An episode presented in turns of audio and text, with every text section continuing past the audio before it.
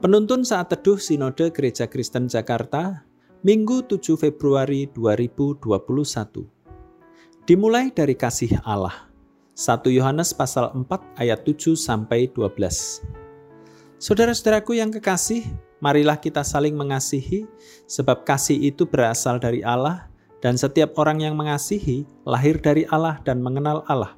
Barang siapa tidak mengasihi, ia tidak mengenal Allah, sebab Allah adalah kasih. Dalam hal inilah kasih Allah dinyatakan di tengah-tengah kita, yaitu bahwa Allah telah mengutus anaknya yang tunggal ke dalam dunia supaya kita hidup olehnya. Inilah kasih itu.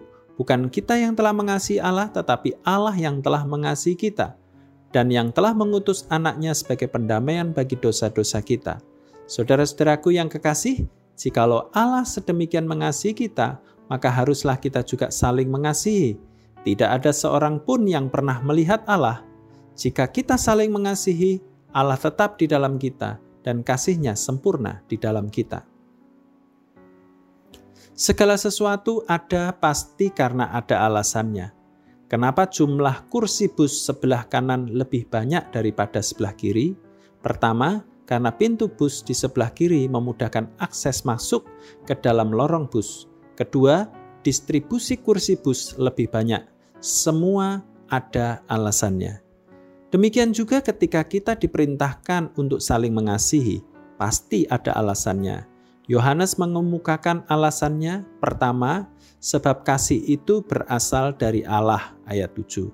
Kasih agape adalah kasih yang hanya bersumber dan didapatkan dari Allah. Kedua, sebab Allah adalah kasih ayat 8. Allah tidak hanya sumber kasih, tetapi kasih itu merupakan atribut Allah sendiri, sehingga Allah tidak dapat terpisahkan dari atribut ilahinya. Ketiga, sebab Allah telah mengasihi kita, ayat 9 dan 10. Ia telah memberikan anaknya sendiri untuk mati menggantikan kita karena dosa. Inilah keajaiban kasih. Jadi tidak ada alasan bagi kita untuk tidak mengasihi. Jika kita lahir dari Kristus Sang Kebenaran, maka kita telah melihat dan mengenal kebenaran. Dengan demikian, kita akan menghidupi kasih Allah dalam seluruh pemikiran dan perilaku kita. Kita saling mengasihi. Kasih itu pertama-tama harus diwujudkan di antara murid-murid Kristus.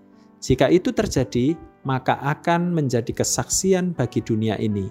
Kedua, kasih itu harus dinyatakan kepada orang-orang di luar Kristus, secara khusus kepada mereka yang masih hidup dalam kejahatan dan dosa. Sudahkah kita mewujudkan kasih itu? Selalu ada alasan yang kuat bagi kita untuk mengasihi. Alasan paling mendasar adalah kasih Allah di dalam Kristus Yesus. Tuhan Yesus memberkati kita semua.